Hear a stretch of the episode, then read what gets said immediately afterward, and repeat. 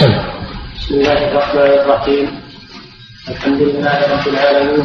صلى الله وسلم على نبينا محمد وعلى آله وصحبه أجمعين. أما بعد قال الحافظ رحمه الله تعالى باب صلاه عن ربيعه بن مالك الاسلمي رضي الله عنه قال قال من النبي صلى الله عليه وسلم سل فقلت أسألك مرافقتك في الجنة. فقال أوهب ذلك فقلت هو ذلك قال فأعني على نفسك بكثرة السجود. رواه مسلم.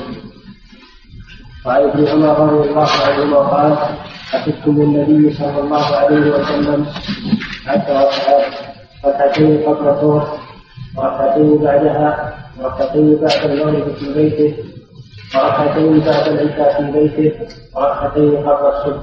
متفق عليه. وفي رواية لهما ركعتين بعد الجمعة في بيته. ولمسلم كان إذا طلع الفجر لا يصلي إلا ركعتين خفيفتين وعن عائشة رضي الله عنها أن النبي صلى الله عليه وسلم كان لا يدع أربعا قبل الصبح وركعتين قبل الغداء رواه البخاري. وعنها رضي الله عنها قالت لم يكن النبي صلى الله عليه وسلم على شيء من النوافل أشد تعاهدا منه على ركعة الفجر متفق عليه. ولمسلم ركعة الفجر خير من الدنيا وما فيها. وعن حبيبة أم المؤمنين رضي الله عنها قالت سمعت رسول الله صلى الله عليه وسلم يقول من صلى اثنتي عشرة ركعة في يومه وليلته بني له بهن بيت في الجنة. رواه مسلم. وفي رواية تطوعا وللترمذي نحوه وزاد أربع قبل الظهر وركعتين بعدها وركعتين بعد المغرب وركعتين بعد العشاء وركعتين قبل صلاة الفجر. والخمسة عنها من حافظ على أربع قبل الظهر وأربع بعدها حرمه الله تعالى على النار. وعن ابن عمر رضي الله عنهما قال قال رسول الله صلى الله عليه وسلم رحم الله أمرأ صلى قبل العصر صلى أربعا قبل العصر. رواه أحمد وأبو داود والترمذي وحسنه وابن خزيمة صححه وعن عبد الله بن ناصر بن رضي الله عنه قال قال رسول الله صلى الله عليه وسلم صلوا قبل المغرب صلوا قبل المغرب. ثم قال في الثالثة لمن شاء كراهية أن يتخذها الناس ثم. رواه البخاري. وفي رواية لابن حبان أن النبي صلى الله عليه وسلم صلى قبل المغرب ركعتين ولمسلم عن ابن عباس قال كنا نصلي ركعتين بعد غروب الشمس وكان النبي صلى الله عليه وسلم يرانا فلم يأمرنا ولم ينهانا.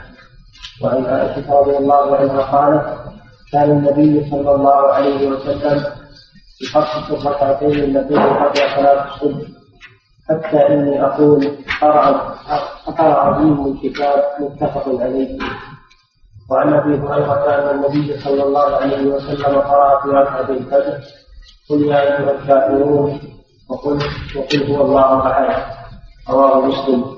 وعن عائشة رضي الله عنها قالت كان النبي صلى الله عليه وسلم إذا صلى ركعة الفجر اضطجع بالأيمن رواه البخاري. وعن أبي هريرة رضي الله عنه قال قال رسول الله صلى الله عليه وسلم إذا صلى أحدكم ركعتين قبل صلاة الصبح فليتجه على جنبه الايمن رواه أحمد وأبو داود والترمذي وصححه. وعن ابن عمر رضي الله عنهما قال قال رسول الله صلى الله عليه وسلم صلاة الليل مثنى مثنى فإذا خشي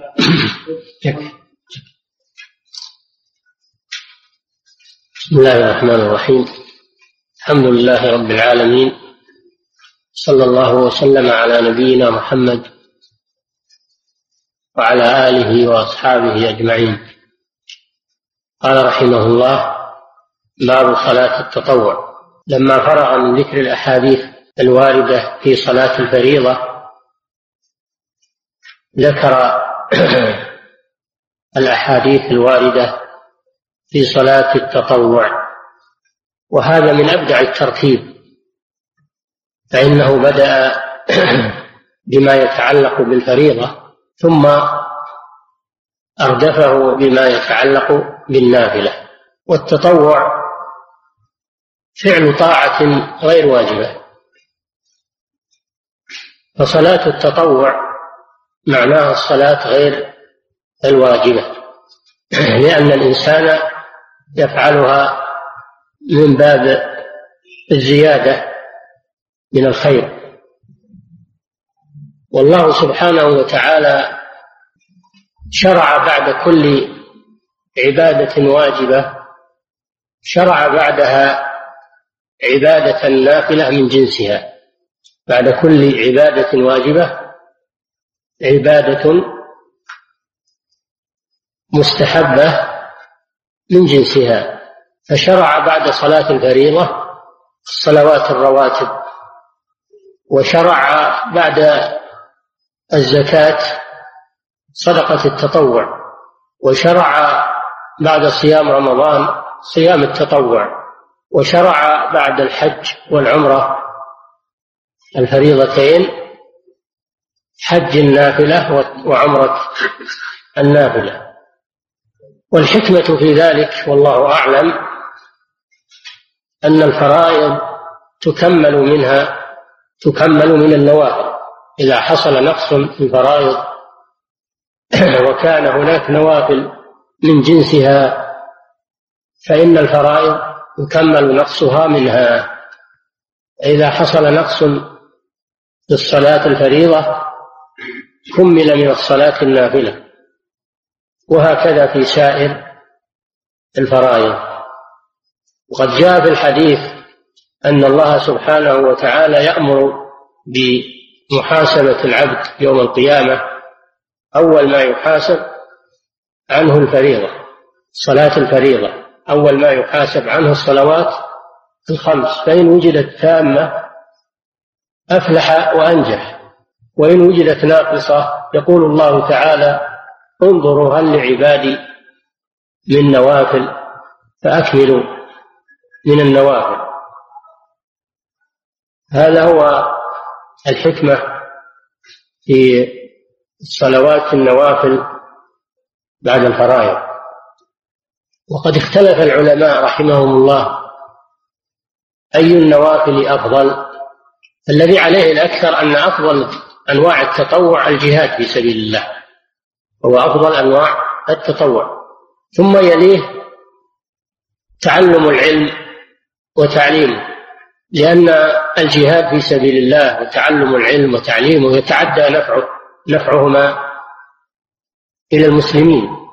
فهذان النوعان من العبادات أفضل من غيرهما لما فيهما من النفع الخاص والنفع المتعدي. ثم بعد ذلك النوافل نوافل الصلوات بعد تعلم العلم وتعليمه نوافل الصلوات. وقد قال العلماء إن تعلم العلم وتعليمه أفضل للإنسان من أن يصلي الليل والنهار نوافل. لو شغل وقته كله بصلاة النافلة فإن تعلمه مسألة واحدة من مسائل العلم أفضل من ذلك. لأن العلم ينتفع به الإنسان وينفع به غيره. وأما صلاة النافلة على ما فيها من الفضل والخير إلا أن نفعها قاصر على صاحبه. والعبادة التي يتعدى نفعها أفضل من العبادة التي لا يتعدى نفعها إلى غير فاعلها. فصلوات النوافل في المرتبة الثالثة بعد الجهاد وبعد تعلم العلم وتعليمه. وصلوات النوافل تتفاضل أيضا فأفضلها صلاة الكسوف ثم الاستسقاء ثم التراويح ثم الوتر ثم الرواتب التي مع الفرائض. لأن ما تشرع له الجماعة أفضل من الذي لا تشرع له الجماعة فصلاة الكسوف صلاة الاستسقاء صلاة التراويح تشرع لها الجماعة. أما صلاة الوتر والرواتب التي مع الفرائض فهذه لا تشرع لها جماعة. فلذلك صارت هذه النوافل أفضل من غيرها. وعلى كل حال فإنه ينبغي للمسلم أن لا يحرم نفسه أن لا يحرم نفسه من النوافل. ويقول أنا أقتصر على الفرائض. الاقتصار على الفرائض كافي ولكن من يضمن أن الإنسان يأتي بالفرائض على الوجه المطلوب؟ الإنسان بشر يعتريه النقص والخلل فالنوافل تجبر هذا النقص وتكمله. وأيضا حتى لو كملت الفرائض فالإنسان بحاجة إلى الزيادة من الخير ورفعة الدرجات عند الله سبحانه وتعالى. نعم. رضي الله عنه قال قال النبي صلى الله عليه وسلم أسألك أسألك مرافقتك في مرافقتك قال أو ذلك فقلت هو ذلك قال أعني على نفسك بكثرة السجود رواه مسلم ربيعة بن مالك الأسلمي رضي الله عنه كان يخدم النبي صلى الله عليه وسلم ويلازمه. حتى إنه كان يبيت عنده يقدم له ماء الوضوء. وهذا شرف عظيم أن يخدم النبي صلى الله عليه وسلم. ولكنه طلب الزيادة. النبي صلى الله عليه وسلم كرم أخلاقه وحبه للمجازات بالخير قال له سل. يعني اطلب مني شيئا. يقابل أو يكافئ خدمتك لي. هذا من كرمه صلى الله عليه وسلم. أراد أن ينفعه بشيء. فكانت همة هذا الرجل عالية.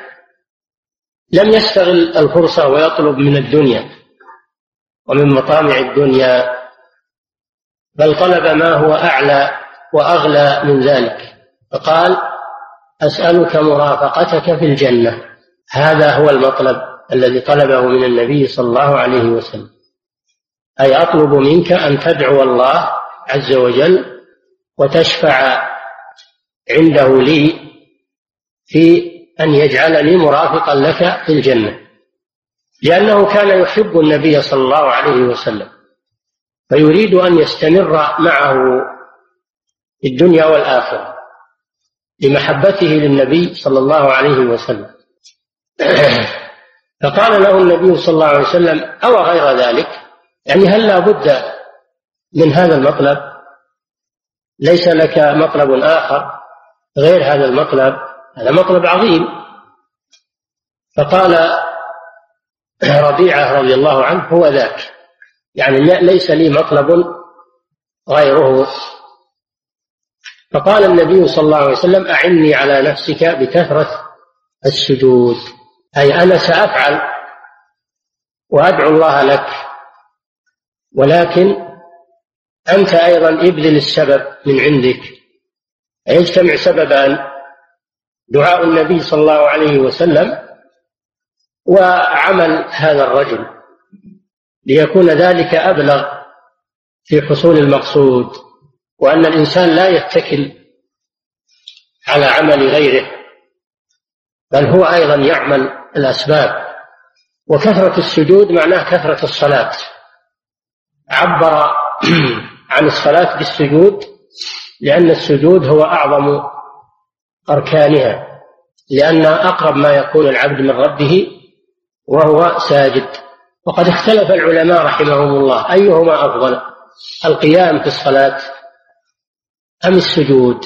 بعضهم يقول القيام أفضل. طول القيام أفضل. وبعضهم يقول لا طول السجود أفضل. شيخ الإسلام ابن تيمية رحمه الله توسط فقال القيام أفضل من ناحية الذكر المشروع فيه وهو تلاوة القرآن. والسجود أفضل من ناحية خضوع العبد لربه وقربه من ربه. فتعادل تعادلا في الفضيلة.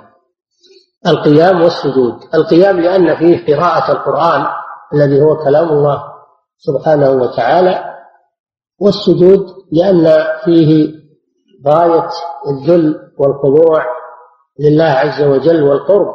القرب من الله عز وجل. فتعادلا. فلذلك يستحب أن تكون صلاة الإنسان متعادلة.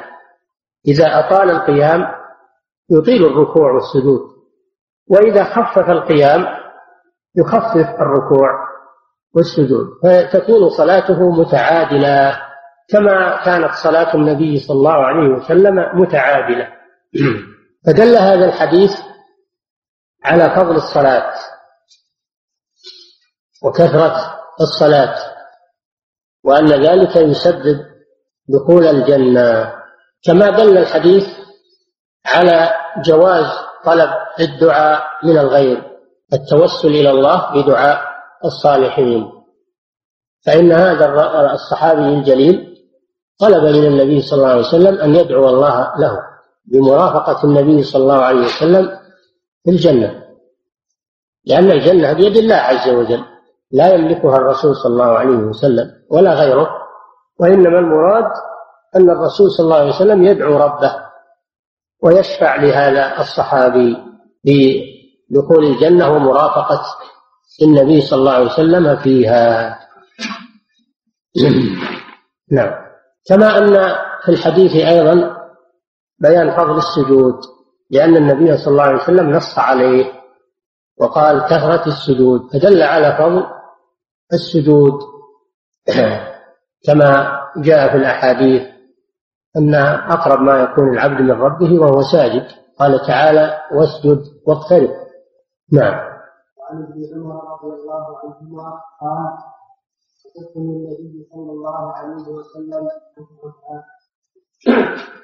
ركعتين قبل الظهر ركعتين بعدها ركعتين بعد المغرب في بيته وركعتين بعد العشاء في بيته ركعتين قبل الصبح متفق عليه وفي رواية لهما ركعتين بعد الجمعة في بيته ولمسلم كان إذا طلع الفجر لا يصلي إلا ركعتين خفيفتين. لما ذكر في حديث ربيعة بن مالك فضل الصلاة مطلقة ذكر بعد ذلك حديث ابن عمر في الرواتب التي مع الفرائض وهي نوع من أنواع صلاة التطوع. نوع من أنواع صلاة التطوع. والنوافل صلاة النافلة على قسمين. صلاة النافلة على قسمين. نافلة مطلقة لا تتقيد بشيء. تصلى بدون تقيد بشيء.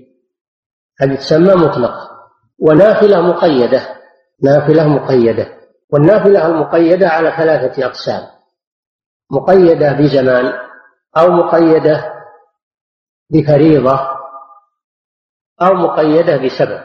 المقيدة بالزمان مثل الوتر فإنه مقيد بالليل مقيد بالليل. ما بين صلاة العشاء إلى إلى طلوع الفجر. هذا محل الوتر مقيد بهذا الوقت. وصلاة الضحى مقيدة أيضا بما بين ارتفاع الشمس إلى توسط الشمس في كبد السماء قبل قبيل الظهر. صلاة الضحى مقيدة بهذا الوقت. إذا فات فاتت. والوتر مقيد بالليل. إذا فات فات الوتر. هذا مقيد بزمان مقيد بفريضة مثل الرواتب التي مع الفرائض هذه مقيدة بالفرائض إذا صليت الفرائض تصلى الرواتب إما قبلها وإما بعدها كما يأتي. وأما المقيد بسبب مثل الكسوف صلاة الكسوف مقيدة بالكسوف إذا حصل الكسوف شرعت الصلاة وإذا لم يحصل كسوف لم تشرع. تحية المسجد مقيدة بدخول المسجد وإرادة الجلوس فيه. قوله صلى الله عليه وسلم إذا دخل أحدكم المسجد فلا يجلس حتى يصلي ركعتين. هذه مقيدة بسبب وهو دخول المسجد والجلوس فيه. ركعتي الطواف هذه مقيدة بالطواف. ألا ركعتان بعده. وهذه وكذلك نافلة الوضوء. الركعتان التي بعد الوضوء إذا توضأ الإنسان استحب له أن يصلي ركعتين سببهما الوضوء. فهذه تسمى ذوات الأسباب لأنها مربوطة بأسباب. إن وجدت الأسباب شرعت هذه الصلوات وإن لم توجد الأسباب لم تشرع هذه النوافل المقيدة ومن ضمنها المقيدة بالفرائض وهي التي معنا الآن تسمى بالرواتب. التي مع الفرائض. حديث ابن عمر يقول حفظت من النبي صلى الله عليه وسلم عشر ركعات. يعني من النوافل. ركعتان قبل الظهر وركعتان بعدها وركعتان بعد المغرب في بيته وركعتان بعد العشاء في بيته وركعتان قبل الصبح في بيته أيضا. فهذه عشر ركعات. وأما العصر فليس لها راتبة لا قبلها ولا بعدها. وإنما هذه الرواتب مع الظهر مع المغرب مع العشاء مع الفجر. وبين مواضعها من هذه الصلوات. ركعتان قبل الظهر يعني بعد دخول وقت الظهر وركعتان بعدها. الظهر لها راتبة قبلها ولها راتبة بعدها والعصر ليس لها راتبة لا قبلها ولا بعدها والمغرب لها راتبة بعدها والعشاء لها راتبة بعدها والفجر لها راتبة قبلها.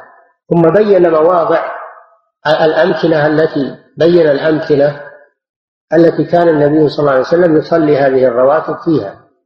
وأنه يصلي راتبة المغرب وراتبة العشاء وراتبة الفجر في بيته. فدل على استحباب صلاتها في البيوت وإن صلاها في المسجد فلا بأس. ولكن الأفضل أن تكون في البيوت اقتداء بالنبي صلى الله عليه وسلم. وإذا جاء المسجد قبل الإقامة يصلي تحية المسجد ويجلس يصلي تحية المسجد وما تيسر له يجلس ينتظر الإقامة. وإن أخر الراتبة القبلية القبلية أخرها حتى يأتي إلى المسجد وصلاها بالمسجد فلا بأس وتغني عن تحية المسجد. والقبلية إنما تكون قبل الظهر وقبل الفجر. أما المغرب والعشاء فإنها بعدية. إن صلاها في بيته فهو أفضل وإن صلاها في المسجد فلا بأس بذلك. ثم بين أن أن راتبة الفجر تخفف كما يأتي في حديث عائشة استحب تخفيفها وأنها بعد طلوع الفجر لا يصليها قبل طلوع الفجر إن صلاها قبل طلوع الفجر لم تجزي. لا بد أن تكون بعد طلوع الفجر. وركعتين بعد الجمعة. هذا سيأتي إن شاء الله أن الجمعة لا راتبة لها قبلها وإنما راتبتها بعدها وأقلها ركعتان كما في هذا الحديث وأكثرها ست ركعات كما في حديث صلوا بعد الجمعة ست ركعات. وهذا يأتي في باب الجمعة إن شاء الله. نعم. وليست راتبة الجمعة داخلة في العشر التي ذكرها ابن عمر بل هي راتبة مستقلة بعد الجمعة. نعم. وعن عائشة رضي الله عنها أن النبي صلى الله عليه وسلم كان لا يدع قطعا قبل الظهر ركعتين قبل الغداء رواه البخاري عن ابن عن عائشة رضي الله عنها أن النبي صلى الله عليه وسلم كان لا يدع أربعا قبل الظهر. سبق في حديث ابن عمر ركعتان قبل الظهر وعائشة تقول أربع. قالوا لأن كلا حدث بما رأى فابن عمر رأى ركعتين وعائشة رأت أربعا ولا تنافي بين الروايتين. فأقل الراتبة بعد قبل الظهر أقلها ركعتان وأكثرها أربع ركعات. هذا أكثرها. نعم. وأما ركعتا الفجر فتقدم الكلام عليه عليهما. ويأتي أيضا. نعم. وعنها رضي الله عنها قالت إن النبي صلى الله عليه وسلم على شيء من المراحل أشد تعاهد منه على ركعة الفجر. هذا الحديث يدل على مشروعية راتبة الفجر ويدل على محافظة النبي صلى الله عليه وسلم عليهما. وأنه لم يكن يدعهما لا في السفر ولا في الحضر. وأنه قال صلى الله عليه وسلم صلوهما ولو طردتكم الخيل. ولما نام عن صلاة الفجر في بعض أسفاره ولم يوقظه وأصحاب وأصحابه إلا حر الشمس قام صلى الله عليه وسلم وأمر المؤذن فأذن ثم صلى ركعتي الفجر الراتبة ثم أمر المؤذن فأقام ثم صلى الفجر. فقضى هذه الراتبة مع الفجر. فدل على محافظته صلى الله عليه وسلم على راتبة الفجر وأنها لا تترك وإذا فاتت فإنها تقضى. كما أنه صلى الله عليه وسلم رأى رجلا يصلي بعد الفجر فسأله فقال الرجل إنه لم يتمكن من أداء الراتبة قبل الفجر وإنه يصليها الآن فأقره النبي صلى الله عليه وسلم على ذلك ولم ينكر عليه. أما الرواتب الباقية التي مع الظهر والتي مع المغرب والتي مع العشاء فإن المسافر لا يصليها إذا كان يقصر الصلاة. الذي يقصر الصلاة لا يستحب له أن يصلي الرواتب التي مع الظهر والتي مع المغرب والتي مع العشاء لأن الله خفف عنه الفريضة. فهو يحب سبحانه أن يخفف عنه فلا يصلي الرواتب. ولأن ابن عمر رضي الله عنه عنهما يقول لو كنت مسبحا لأتممت لو كنت مسبحا يعني مصليا صلاة الراتبة مع في السفر لأتممت الصلاة أربعا. فكونه يقصر الصلاة وهي فريضة تخفيفا عنه من باب أولى أن يخفف عنه النوافل. السنة في المسافر أن لا يأتي بالرواتب التي مع الفرائض إلا راتبة الفجر فإنه لا يتركها لا سفرا ولا حضرا. نعم.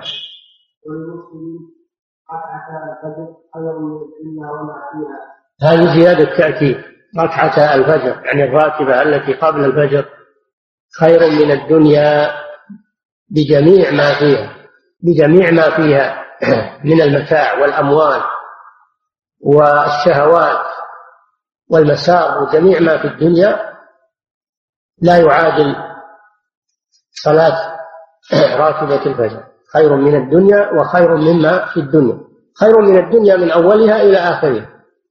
وخير مما فيها مما ترغبه النفوس من الأموال والمساكن والمراكب والملابس وأنواع ال أنواع الشهوات. ركعتا الفجر خير من ذلك كله هذا مما يدل على تأكد ركعتي الفجر وفضلهما وأنه ينبغي المحافظة عليهما. نعم. ام المؤمنين رضي الله عنها قالت سمعت رسول الله صلى الله عليه وسلم يقول من صلى اثنتي عشرة ركعة في يومه وليلته بني له بهن بيت في الجنة. رواه مسلم وفي رواية بقول آخر. أم حبيبة هي أم حبيبة بنت أبي سفيان زوج النبي صلى الله عليه وسلم وأم المؤمنين واسمها رملة. أنها سمعت النبي صلى الله عليه وسلم يقول من حافظ على اثنتي عشرة ركعة بني له بيت في الجنة. وهذه هي السنن الرواتب. اثنتي عشرة ركعة.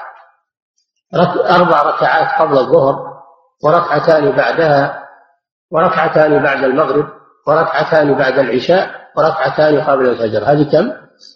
هذه اثنا عشر ركعة. أضافت إلى حديث ابن عمر زيادة ركعتين فيكون قبل الظهر أربع ركعات. نعم. فيكون المجموع اثني عشر ركعة.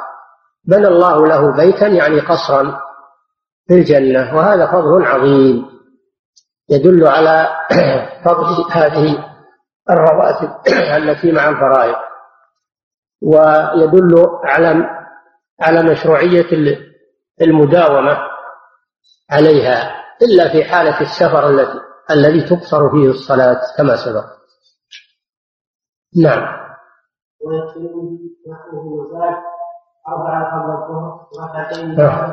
رواية الترمذي فسرت رواية رواية أم حبيبة أن المراد أربع قبل الظهر ثم تضيف إليه ما جاء في حديث ابن عمر. ركعتان بعد المغرب وركعتان بعد العشاء وركعتا الفجر هذه اثنتا عشرة ركعة. نعم. ومن خمسة منها من حافظ على أربع فرض الظهر وأربع بعدها حرمه الله تعالى على النار من حافظ على أربع قبل الظهر هذا كالرواية الأولى. كالرواية الأولى. لكن زادت هذه الرواية أربع بعد الظهر. الركعتان اللتان في حديث ابن عمر وزيادة ركعتين تكون أربع. فيكون المجموع كم؟ أربع عشرة ركعة. أربع قبل الظهر وأربع بعدها وركعتان بعد العشاء المغرب وركعتان بعد العشاء وركعتا الفجر. هذه أربع عشرة ركعة. نعم. وعن ابن عمر رضي الله عنهما قال ونعم وعنها من حافظ على أربع قبل الظهر وأربع بعدها حرمه الله تعالى على النار ومعنى حرمه على النار منعه من دخول النار لأن التحريم في اللغة معناه المنع. تحريم في اللغة معناه المنع. سمي الحرام حراما لأنه ممنوع ممنوع منه. نعم وعن ابن عمر رضي الله عنهما قال قال رسول الله صلى الله عليه وسلم رحم الله لا يصلى أربعا قبل العصر. رواه أحمد وأبو داود والترمذي وحسنه وابن خزيمة صححه هذا الحديث يدل على مشروعية صلاة أربع قبل العصر ولكن الحديث فيه مقال. ومن العلماء من يحتج به ويقول له شواهد ويحتج به على مشروعية صلاة أربع قبل العصر. لكن هذه الأربع ليست من الرواتب وإنما هي من النفل المطلق من النفل المطلق. وسيأتي أن النبي صلى الله عليه وسلم قال صلوا قبل المغرب. وكرر ذلك ثلاث مرات ثم قال لمن شاء.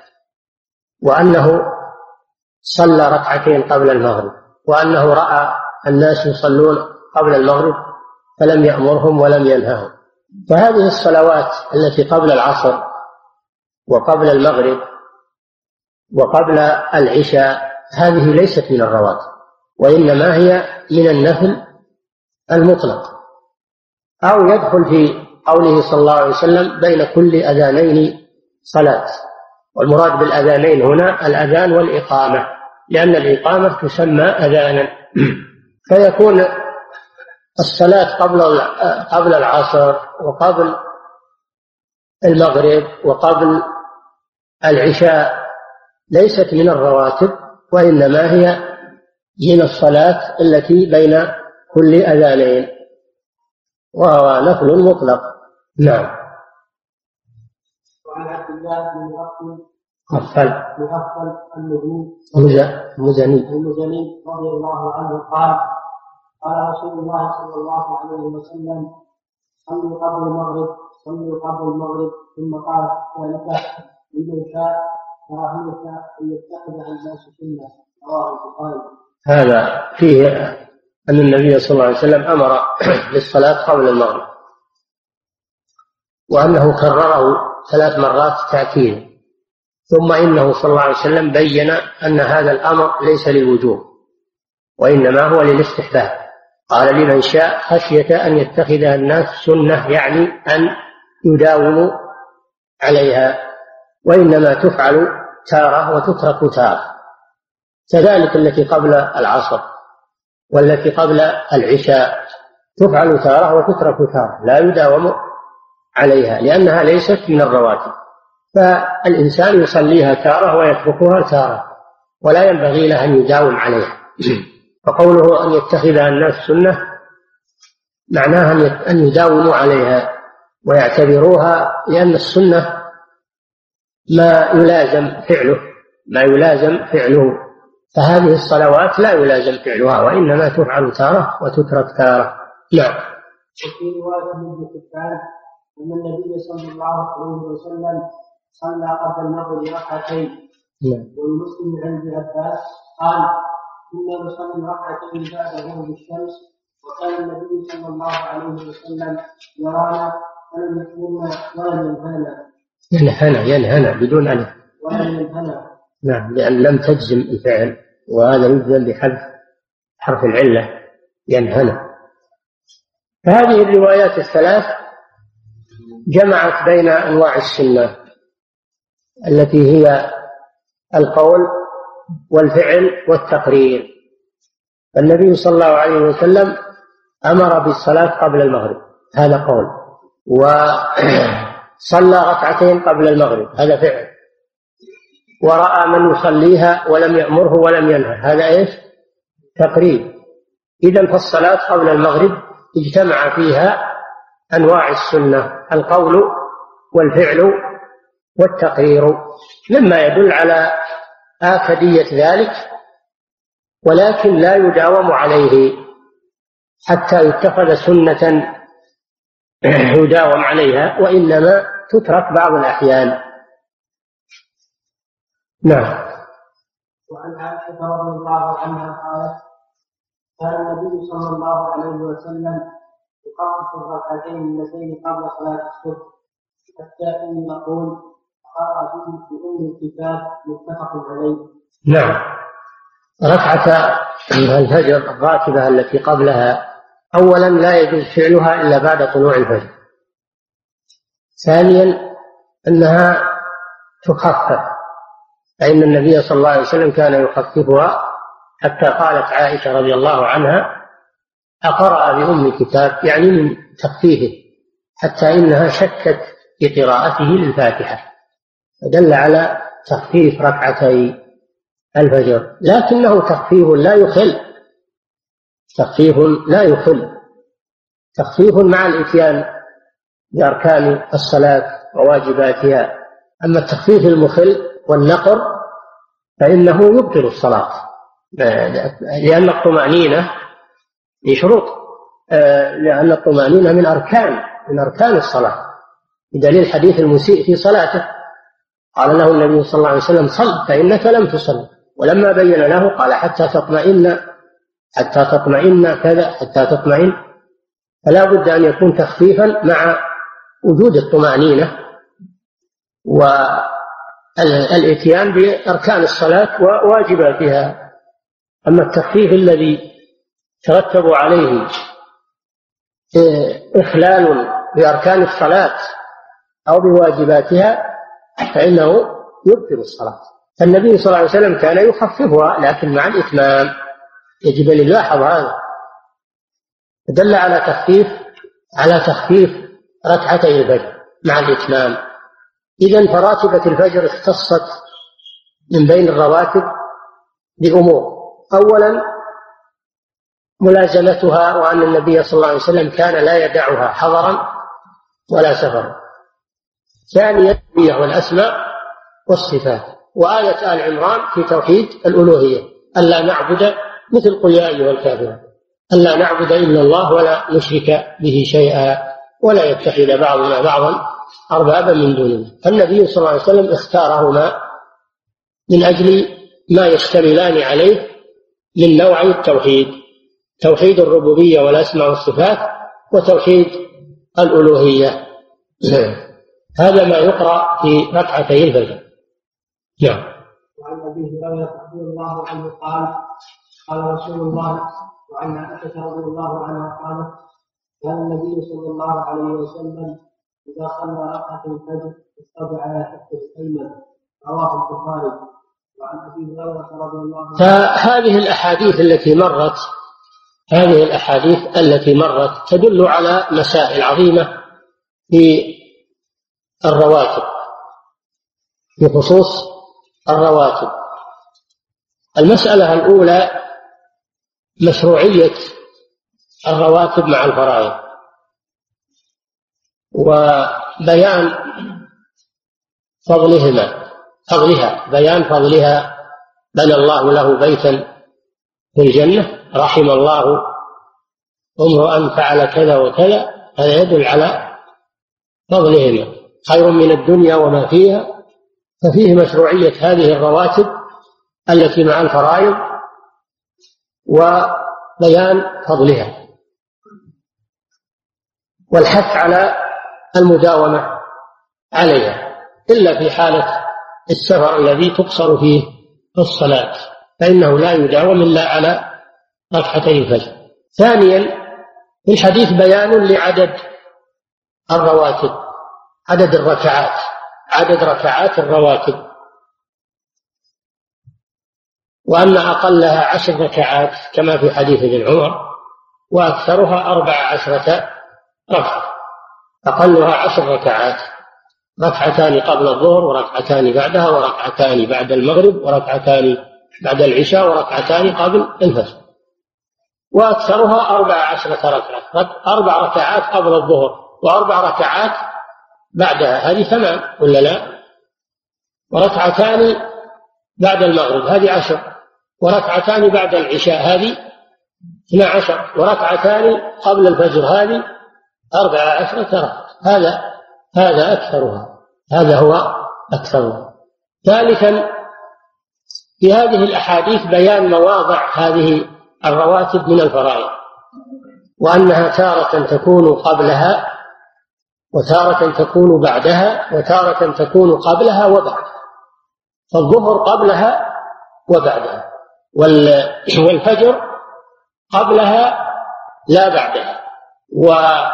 والمغرب والعشاء بعدها لا لا قبلها. ثالثا أو رابعا رابعا دلت هذه الأحاديث على أن العصر ليس لها راتب لا قبلها ولا بعدها.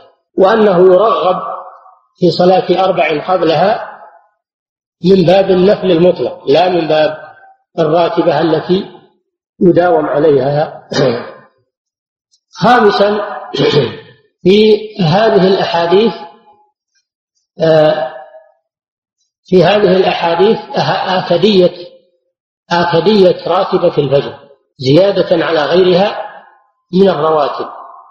لأن النبي صلى الله عليه وسلم كان يحافظ عليها في السفر والحضر بينما كان في بقية الرواتب إذا قصر الصلاة فإنه يترك الرواتب التي قبل الظهر والتي بعد المغرب والتي بعد العشاء.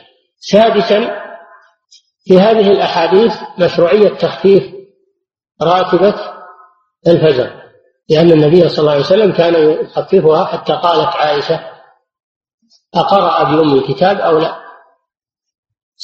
سادسا أو سابعا بيان ما يقرأ في ركعتي الفجر في راتبة الفجر. بيان ما يقرأ في راتبة الفجر. في الأولى قل يا أيها الكافرون وفي الثانية قل هو الله أحد. أو في الأولى قولوا آمنا بالله وفي الثانية قل يا أهل الكتاب. والحكمة في ذلك كما عرفتم اشتمالهما على نوعي التوحيد. توحيد المعرفة والإثبات وتوحيد الطلب والقصد. توحيد المعرفة والإثبات هو توحيد الربوبية والأسماء والصفات. توحيد الطلب والقصد هو توحيد الألوهية. نعم. رضي الله عنها قالت كان النبي صلى الله عليه وسلم إذا صلى ركعتي الفجر اضطجع على شقه الأيمن رواه البخاري. وعن أبي هريرة رضي الله عنه قال قال رسول الله صلى الله عليه وسلم إذا صلى أحدكم ركعتين قبل صلاة الصبح فليضطجع على شقيه رواه أحمد وأبو داود والترمذي وصححه. هذان الحديثان فيهما ذكر الاضطجاع بعد ركعتي الفجر يعني بعد أداء الراتبة الاضطجاع على الجنب الأيمن في حديث البخاري أن النبي صلى الله عليه وسلم آه، كان يفعل ذلك. وفي الحديث الذي بعده أن النبي صلى الله عليه وسلم أمر به. والعلماء اختلفوا في هذا الاضطجاع على أربعة أقوال. القول الأول أنه واجب وهو قول ابن حزم. أن هذا الاضطجاع واجب لظاهر الأمر. القول الثاني أن هذا الاضطجاع غير مشروع ولا يجوز أنه مكروه. القول الثاني أن هذا الاضطجاع مكروه. وممن أنكره ابن عمر وابن مسعود رضي الله تعالى عنهما. حتى قال ابن مسعود ما باله يتمرغ كما يتمرغ الحمار. أنكر هذا رضي الله عنه. القول الثالث أن الاضطجاع مستحب. ليس بواجب ولا مكروه وإنما هو مستحب. وهذا الذي اختاره الشارح صاحب سبل السلام أنه مستحب. والقول الرابع أنه أنه مباح أنه مباح إباحة لمن كان يقوم من الليل. فإن النبي صلى الله عليه وسلم إنما كان يفعل هذا من أجل الراحة والاستراحة لأنه صلى الله عليه وسلم كان يقوم ويتهجد. حتى تفطرت قدماه عليه الصلاة والسلام من طول التهجد فكان يضطجع من أجل الاستراحة والتنشط في صلاة الفجر. فمن كان يقوم من الليل ويتعب فإنه يباح له ما هو يباح له أن يستريح هذه الاستراحة. ومن كان لا يقوم الليل تو قائم من نومه نيم من الخير ولا تحرك أبد. ما قام إلا عند الإقامة. ما بيجي على الإقامة إلا شوي. هذا كيف يضطجع؟ اضطجع نام مرة ثانية ترك صلاة الفجر يفرحون بهذا الكسالى. الكسالى يفرحون بهذا.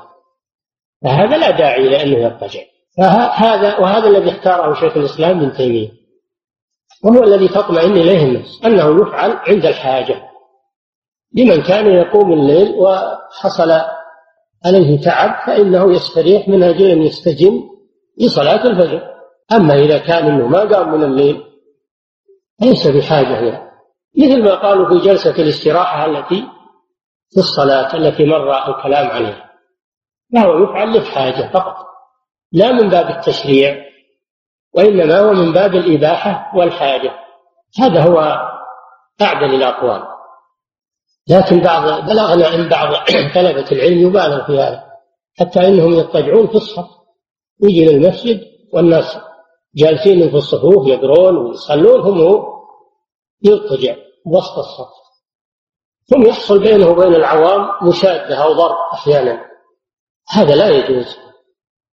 هذا لا يجوز. نعم. ويقول أنا بعمل بالسنة. يقول أنا بعمل بالسنة. ثم يحصل بينه وبين الناس مشادة وضرب واستنكار. هذا لا يجوز. حتى لو قلنا أن هذا سنة إذا صار يترتب عليه مفسدة فإنه لا درء المفاسد مقدم على جلب المصالح. نعم. فكيف وهو مختلف في مشروعيته؟ خلاف قوي. الأمر بهذا يحتاج إلى فقه وروية. نعم.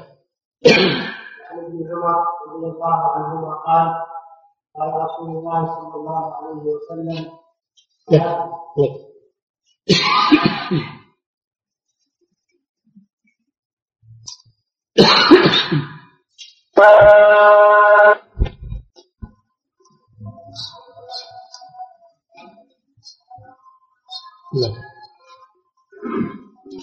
فضيلة الشيخ إذا أخرت يوتر إلى آخر الليل وأنا أقوم وأخشى أذان الفجر فلا أستطيع أن أصلي إلا ركعة واحدة هي الوتر هل هذا جائز؟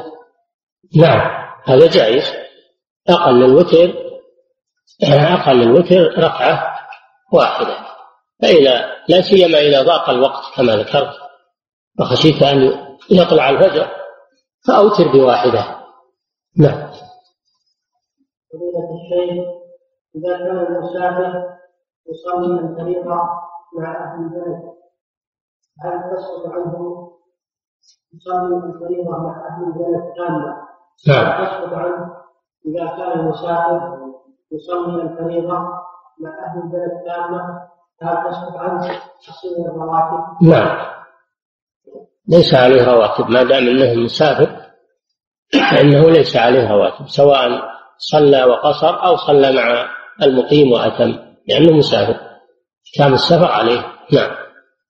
فضيلة الشيخ في حديث ربيعة رضي الله عنه ما معنى قوله هو ذاك. واسم الإشارة هو إلى ماذا يعود وهل هذا في أسلوب البلاغة؟ نعم هو ذاك يعني الطلب هو ذاك لأن النبي صلى الله عليه وسلم قال أو غير ذلك؟ أي غير هذا المطلب؟ فقال ربيعة هو ذاك يعني المطلب ليس هناك غيره. نعم. فضيلة الشيخ قوله صلى الله عليه وسلم بنى الله له بيتا في الجنة. أن لا بد من المحافظة على هذه النوافل ثم الاتيان بها كلها في عشر ركعات كاملة اليوم والليلة نعم لا بد من هذا. هذه الفضيلة لا تحصل إلا لمن أتى بهذه العشر أو الأربع عشرة ركعة. نعم. هذا ظاهر الحديث. من حافظ على من حافظ. نعم. فضيلة الشيخ لدينا بعض المحاضرات في الجامعة. فلا يحتاج الدكتور إلا قريب الإقامة من الظهر فأحيانا نصلي أربع وأحيانا ركعتين فهل يجوز قضاء الفائت بعد الصلاة الفريضة أم لا؟ إيش لدينا بعض المحاضرات. فلا يدخل الدكتور إلا قريب الإقامة من الظهر فأحيانا نصلي أربع. يعني قبل الظهر قصدك قبل الظهر إيه؟ وأحيانا ركعتين فهل يجوز قضاء الفائتة بعد الصلاة الفريضة أم لا؟ لا. الراتبة إذا فاتت لا تقضى إلا راتبة الفجر. راتبة الفجر تقضى بعدها. أما راتبة الظهر فإنها لا تقضى بعدها. نعم. لأنها سنة فات محلها. القضاء يختص بالفرائض أو ما ورد أنه يقضى مثل راتبة الفجر. نعم. فضيلة الشيخ هل يجوز صلاة صلاة سنة الفجر بعد الأذان الأول؟ بعد طلوع الفجر. صلاة سنة الفجر تكون بعد طلوع الفجر. فإذا كان الأذان على طلوع الفجر صل الراتبة. وإن كان الأذان متقدما فإنه لم يدخل وقت الراتبة. نعم. فضيلة الشيخ هل يجوز الصلاة في السنة القبلية التي قبل الظهر؟ بتسليم واحد؟ يجوز. يجوز بتسليم واحد ولكن الأفضل بسلامين. هذا هو الأفضل. نعم. فضيلة الشيخ. وهذا خاص بالنهار خاص بالنهار. أما صلاة الليل مثنى مثنى كما يأتي. نعم.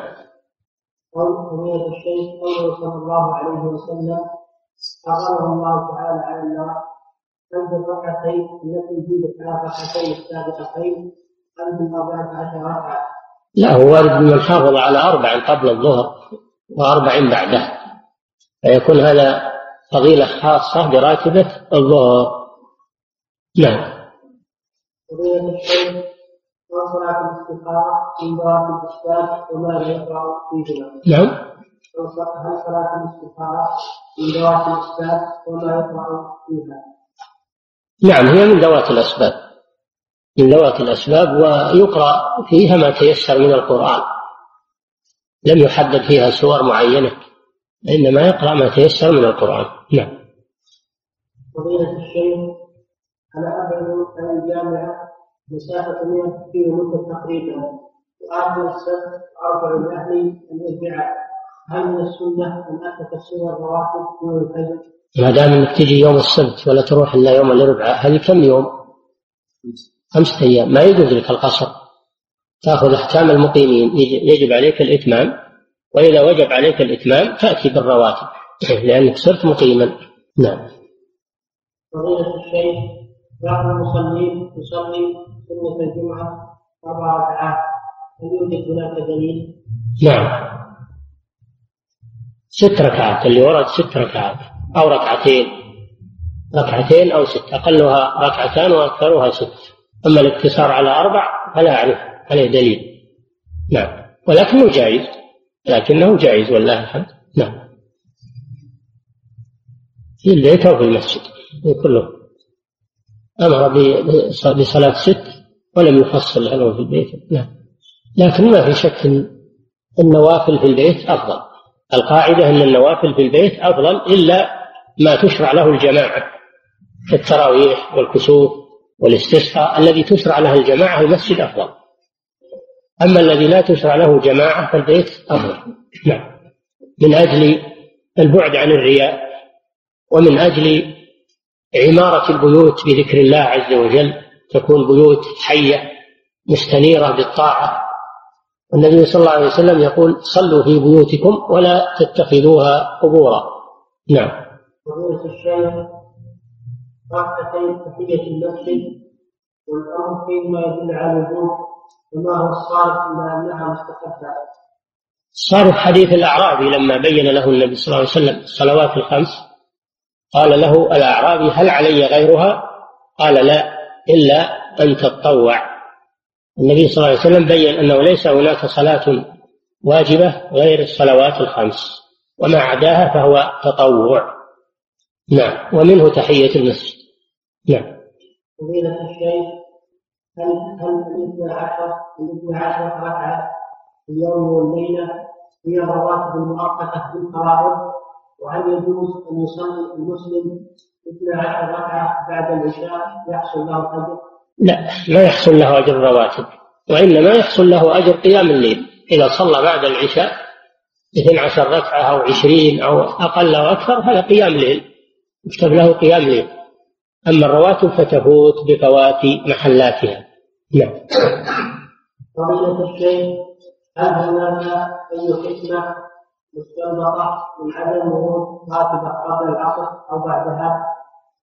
الله أعلم. ما ما رأيت شيء. ما رأيت في هذا شيء. ولعل والله أعلم الحكمة في عدم الصلاة الراتبة قبلها. في عدم الراتبة قبلها المبادرة بأدائها في أول وقتها. مبادرة بأداء الفريضة في أول وقتها. أما بعدها فظاهرة الحكمة ظاهرة لأن وقت نهي.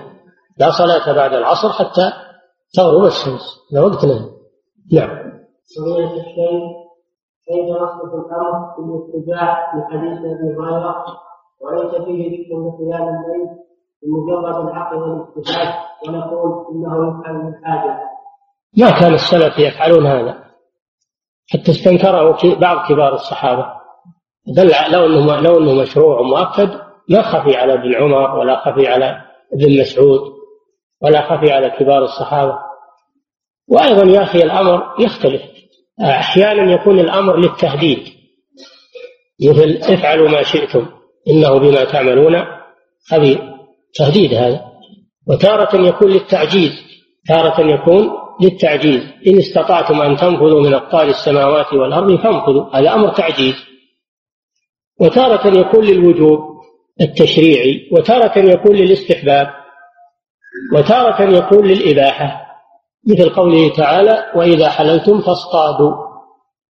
فالاصطياد ليس بمستحب ولا واجب وإنما هو مباح. ومثل قوله فإذا قضيت الصلاة فانتشروا في الأرض وابتغوا من فضل الله. ابتغوا من فضل الله هذا أمر للإباحة. لأنهم منعوا من البيع والشراء قبل صلاة الجمعة فأبيح لهم بعد صلاة الجمعة. فالأمر يجب أن تعرف أنه له مراتب له أحوال. هو دائما تمسك بالوجوب وتقول الأمر للوجوب دائما تأخذ هذا قاعدة عامة. نعم.